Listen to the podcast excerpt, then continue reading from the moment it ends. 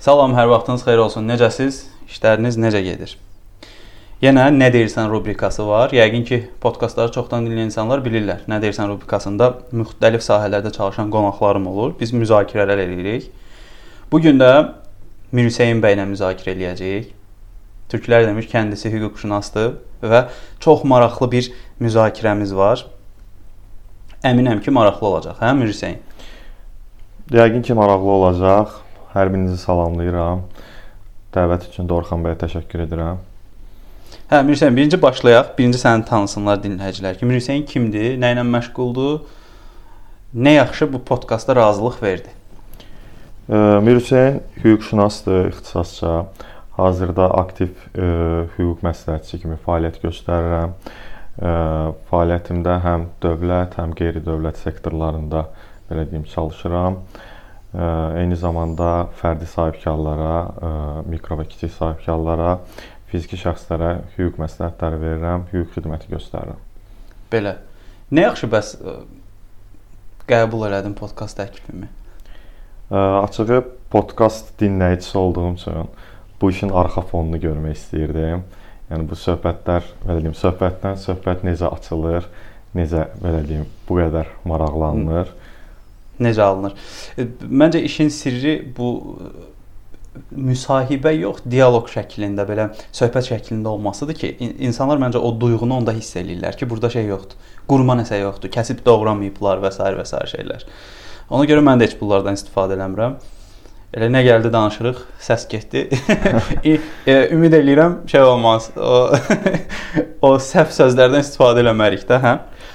Canlı yayımın bir çətini budur ki, belə deyim də, bu ə, e, montaj olmur və dediyin hər sözü 2 dəfə fikirləşməli hə. olursan ki, yanlış anlaşılma olmasın, yəni fikri düzgün ifadə eləyəsən və bu biraz belə deyim, daha çətindir digər yayımlardan ona görə. Mənim bir marketinq müəllimim var idi xaricdə, deyirdi ki, dünyanın ən yaxşı danışığı montaj olunmayan danışıqdır. Harda olursansa ol, e, elə danışmalısan ki, onun montaja ehtiyacı olmasın.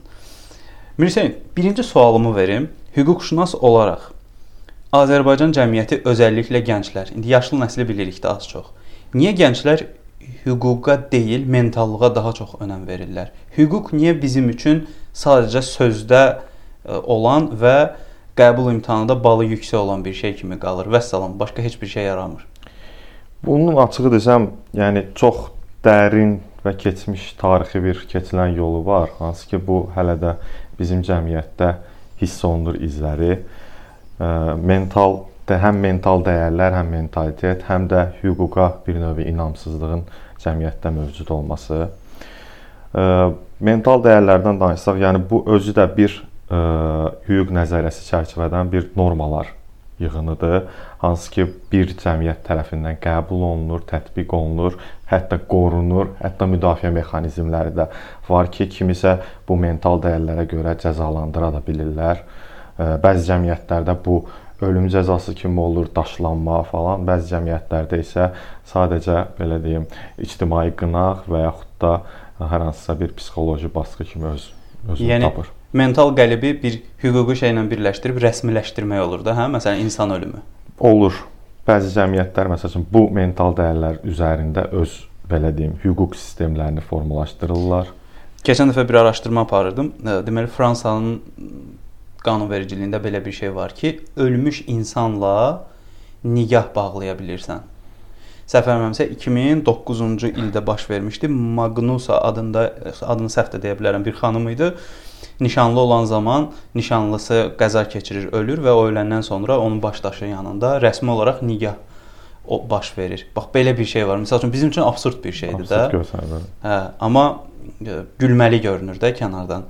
Amma yengə tutmaq ə, e, absurd da deyil də, hə? Hamıya göstərməyə, qızın belinə qırmızı bağlamaq. hə də, yəni hər kəsin baxdığı, hər cəmiyyətin baxdığı perspektivdən öz tətbiq elədiyi ona norma görsənir, normal görsənir, amma digər cəmiyyətin tətbiq elədiyi, məsələn, Afrikada hər hansı bir tətbiq olunan adətə biz bizim cəmiyyət baxır və gülür ki, bu nədir, amma özləri belə deyim, öz adətlərimizə başqa perspektivdən baxa bilmir.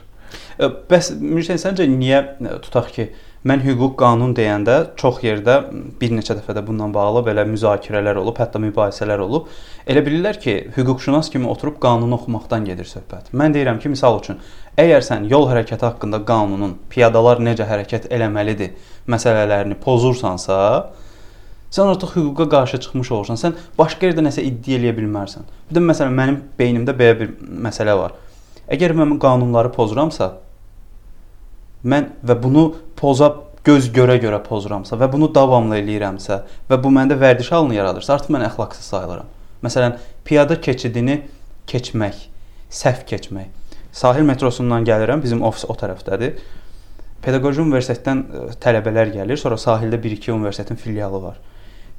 Qırmızı işıq, yaşıl işıq orada, maşınlar ortada, tələbə biri sağdan girir, biri soldan girir və həmin adamlar sonra haqq, ədalət axtaracaq. Axı sən özün pozursan axı qayda qanunu pozursan. Bax bunun səncə səbəbi nədir? Bu boşluq hardadır? Necə görürsən bunu? Hüququn təməlinə baxanda əslində dediyim məsələlər hamısı hüququn, yəni sənin o belə deyim, qırmızı işıqda piyada olaraq keçməməyin, gözləməyin Bunların hamısı əslində hüququn, hüquq nəzəriyyəsinin əsas belə deyim, yaranış təbii hüquq nəzəriyyələrinin əsas belə deyim, təməllərini təşkil edir ki, vicdan anlayışı, ədalətlilik anlayışı. Yəni bu hüquq fəlsəfəsi terminləri olsa da hər bir insan özü öz içində belə deyim, bu təzadı yaşayır ki, tamam e, norma var, o normanı yerinə yetirməsən, onun sanksiyası var, Amma mən bu sanksiyanı ödəyə bilərəm. Ona görə mən sürət həddini aşıram. Yəni 20 manat, 40 manat mənim üçün heç nədir. Amma əslində e, belə deyim, bəzi cəmiyyətlərdə görürük ki, artıq bunun işin fəlsəfəsi oturub. Yəni cərimə var. Almaniyada heç bir metroda belə deyim, turniket yoxdur. Yəni insanların vicdanına buraxılıb və artıq uzun müddətli bu hüququn belə deyim, aliliyinə inam onlarda bu adəti formalaşdırıb ki, niyə görə mən metrodan pulsuz keçməliyəm, e, nə olsun orada turniket yoxdur. Amma bəzi cəmiyyətlərdə bu belə deyim, keçilən tarix olmadığı üçün bu hüququn təməli ilə bağlı e, bu cəmiyyətlərdə daha çox e, cəzalandırma metodundan istifadə olunur ki, yəni şəxsləri e, çəkindirmək. Buna da belə deyim də, e, cəza təhdidi altında bir hərəkəti etməmək deyilir hüquq nəzəriyyəsində.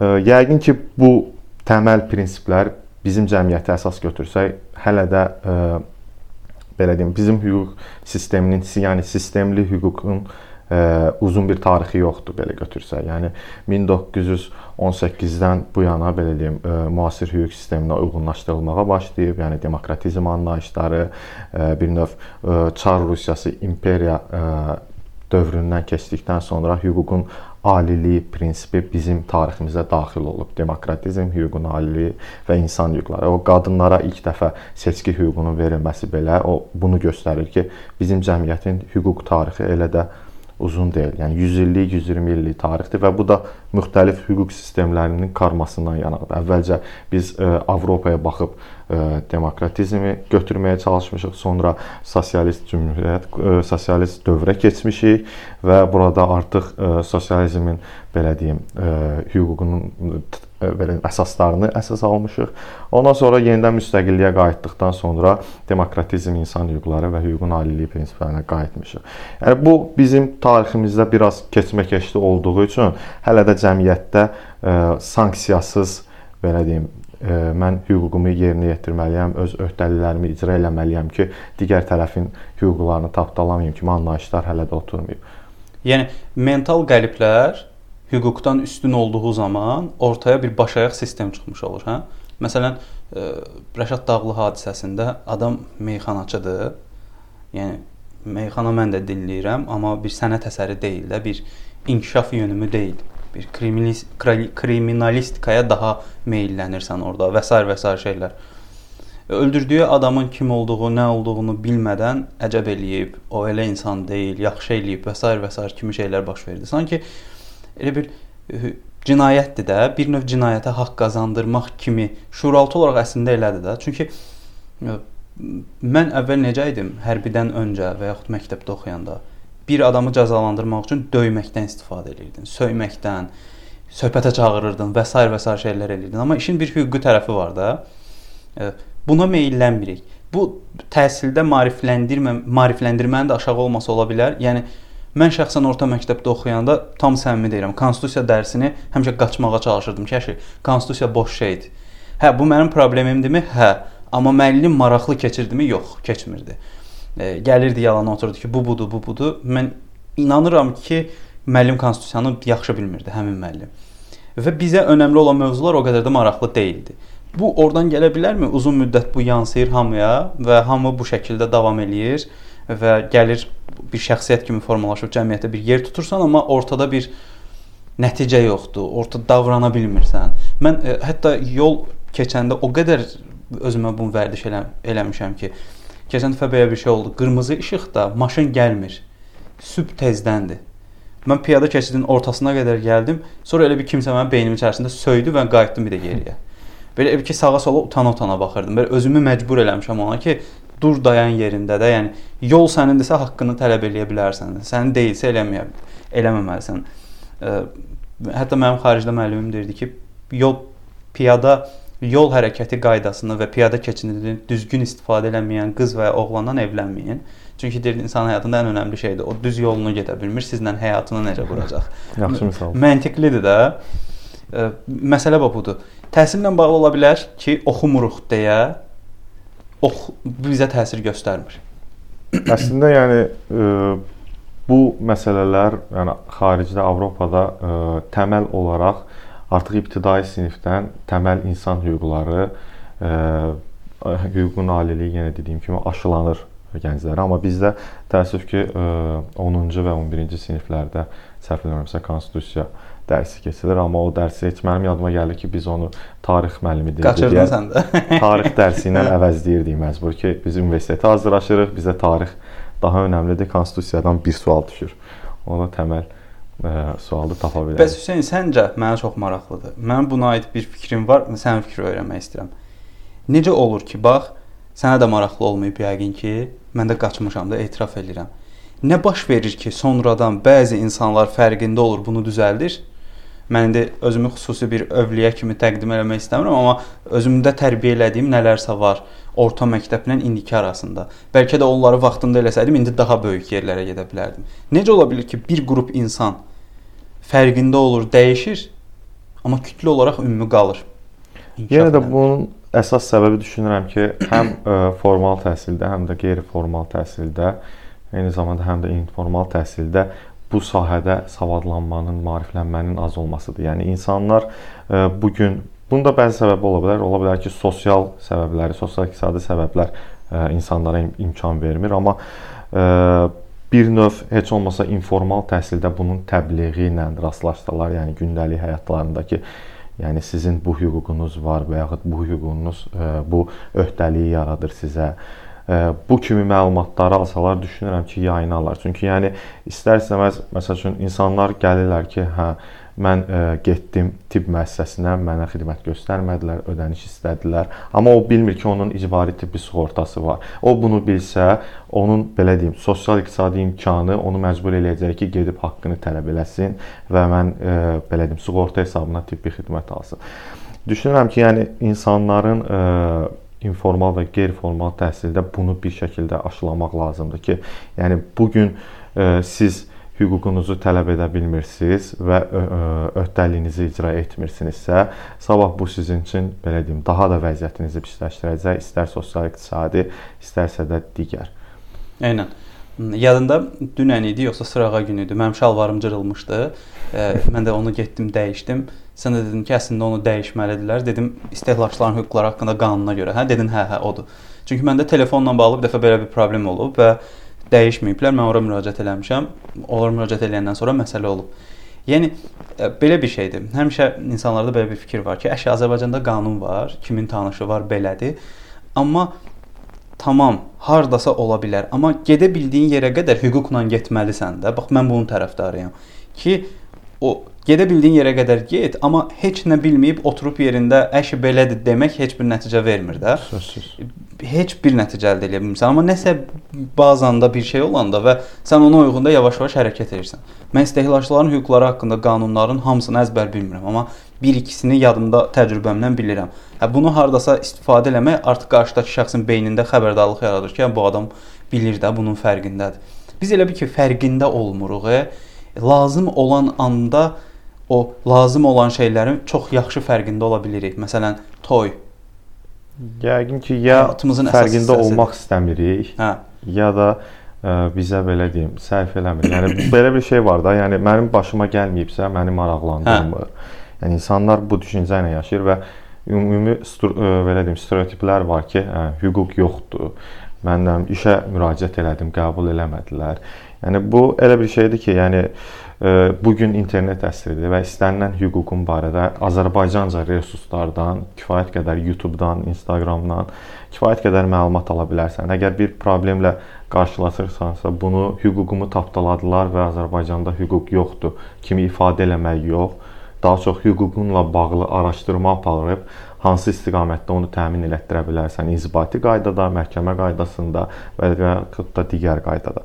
Yəni insanlar bir növ bu stereotipləri qıra bilsələr, əslində e, inandırım sizi ki, yəni bir çox sahədə ə, e, durum o qədər də pis deyil. Yəni sən əgər haqqını bilirsənsə, tələb edə bilirsənsə, yəni bununla bağlı ə, e, sənin hüquqların bərqərar olunur, yerinə oturur hər şey. Mənim ə, e, kitabımda qeyd elədiyim bir özüm üçün uzun müddətli apardığım bir hərəkətsizlik nəzəriyyə kimi bir sistemim var. Mən orada bir ifadə işlədirəm. Bu insan davranışları ilə bağlıdır.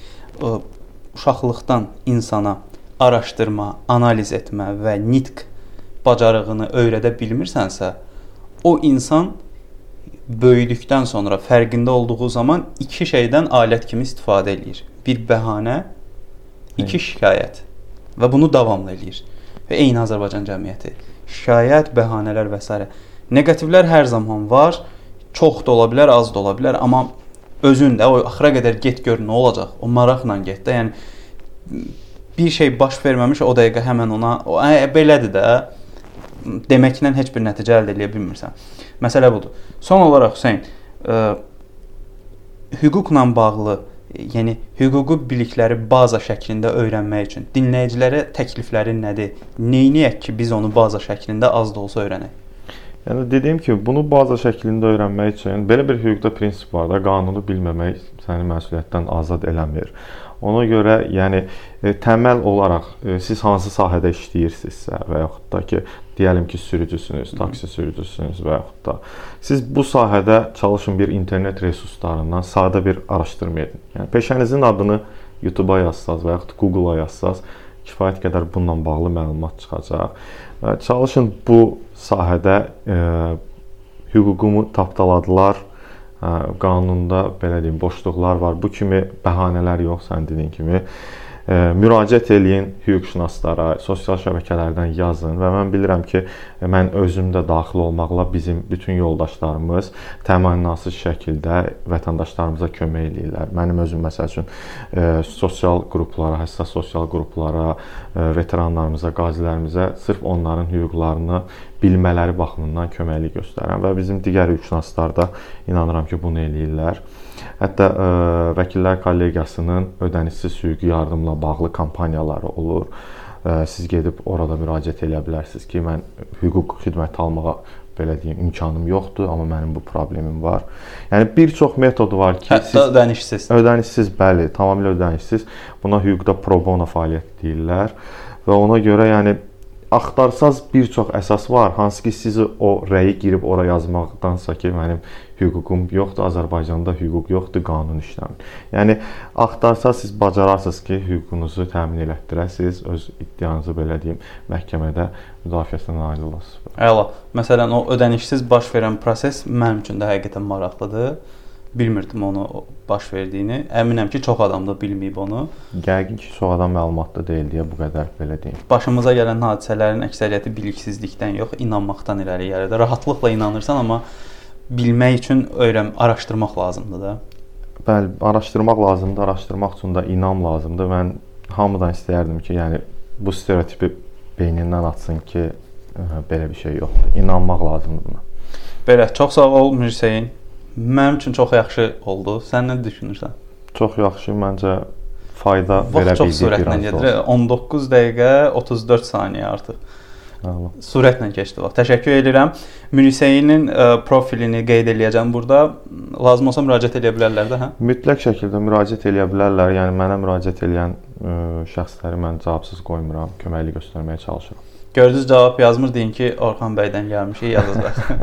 Belə, çox sağ olun dinlədiyinizə görə. Növbəti podkastda görüşərik. Sağ olun.